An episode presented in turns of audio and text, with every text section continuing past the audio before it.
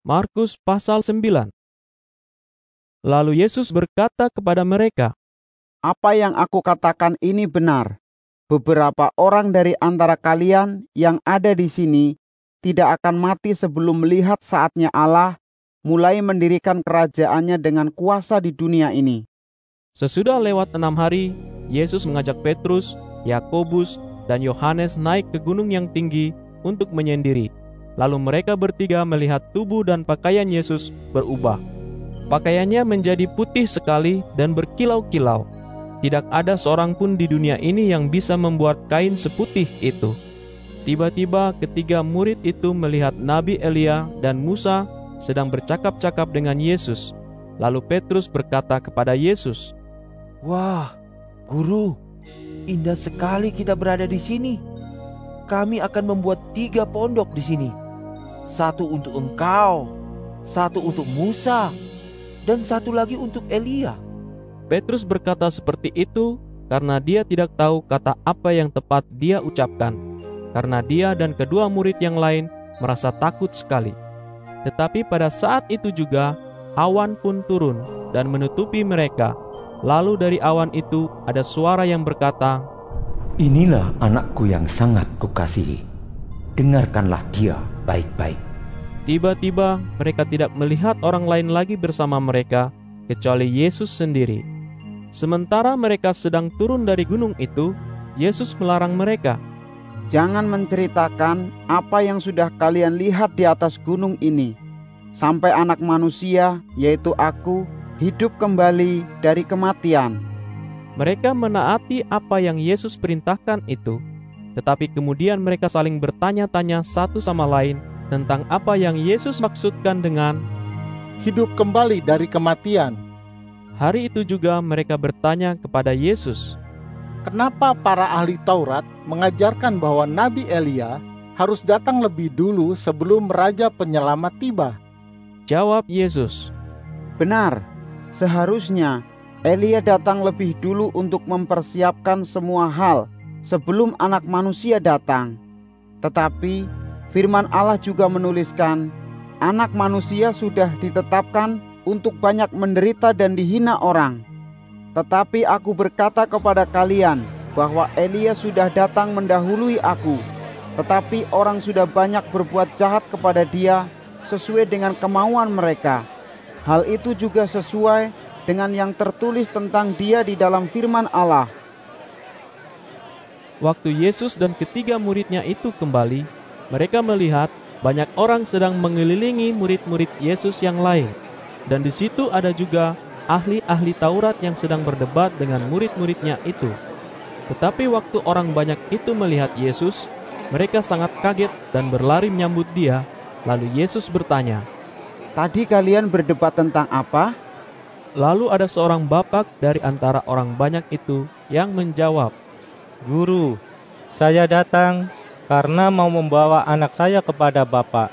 Ada roh jahat yang menguasai dia sehingga dia tidak bisa berbicara. Waktu roh jahat itu menyerang dia, roh itu membanting-banting dia. Busa keluar dari mulutnya.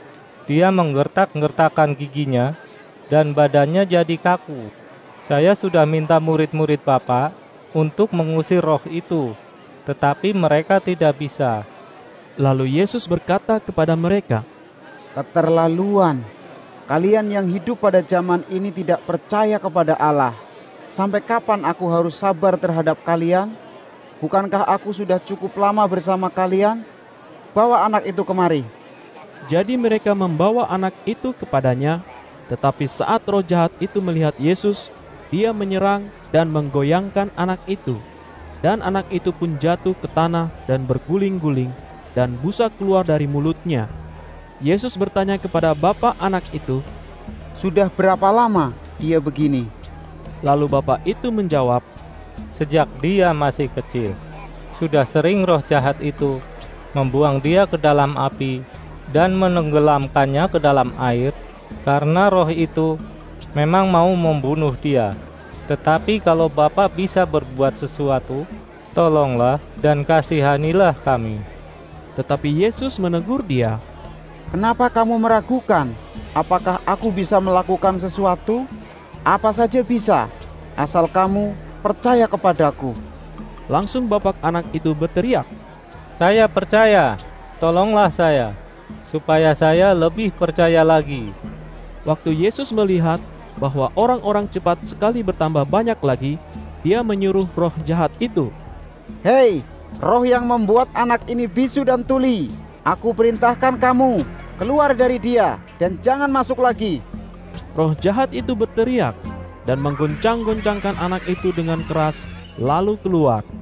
Anak itu kelihatan seperti mati, jadi orang banyak yang menyaksikannya berkata, Dia sudah mati. Tetapi Yesus memegang tangan anak itu dan membantunya untuk berdiri. Waktu Yesus dan murid-muridnya sendirian di dalam rumah, mereka bertanya kepadanya. Kenapa kami tidak bisa mengusir roh jahat itu? Lalu jawab Yesus, Roh jahat sejenis ini hanya bisa diusir dengan berdoa. Lalu Yesus dan murid-muridnya pergi dari tempat itu melalui daerah Galilea ke kota Kapernaum. Yesus tidak mau orang lain mengetahui di mana mereka berada, karena dia sedang mengajar murid-muridnya seperti ini. Anak manusia, yaitu aku, akan diserahkan ke dalam tangan orang-orang jahat dan akan mati dibunuh. Tetapi pada hari yang ketiga, sesudah aku mati, aku akan hidup kembali. Waktu itu, murid-muridnya tidak mengerti apa yang Yesus ajarkan, tetapi mereka segan menanyakan hal itu kepadanya. Lalu Yesus dan murid-muridnya sampai di Kapernaum. Waktu mereka sedang berada di dalam rumah, Yesus bertanya, Soal apa yang kalian bicarakan dalam perjalanan tadi? tetapi mereka diam saja, karena dalam perjalanan mereka mempersoalkan tentang siapakah yang nomor satu di antara mereka. Yesus duduk dan memanggil murid-muridnya, lalu dia memberitahukan, Kalau kamu mau menjadi yang nomor satu di mata Allah, berarti kamu harus siap untuk menjadi yang paling terakhir dan juga siap untuk melayani semua orang. Lalu Yesus mengajak seorang anak kecil dan menempatkan anak itu di tengah-tengah mereka. Sambil memeluk anak itu, dia berkata, Kalau kamu menerima dan melayani anak kecil seperti ini dengan alasan memuliakan namaku, berarti kamu sudah menerima dan melayani aku. Dan kalau kamu sudah melayani aku, berarti bukan aku saja yang kamu layani. Kamu juga sudah melayani Allah yang mengutus aku ke dunia ini. Lalu Yohanes berkata kepada Yesus, Guru, kami melihat seseorang yang mengusir setan-setan dengan memakai namamu. Lalu kami melarang dia, karena dia bukan termasuk kelompok kita.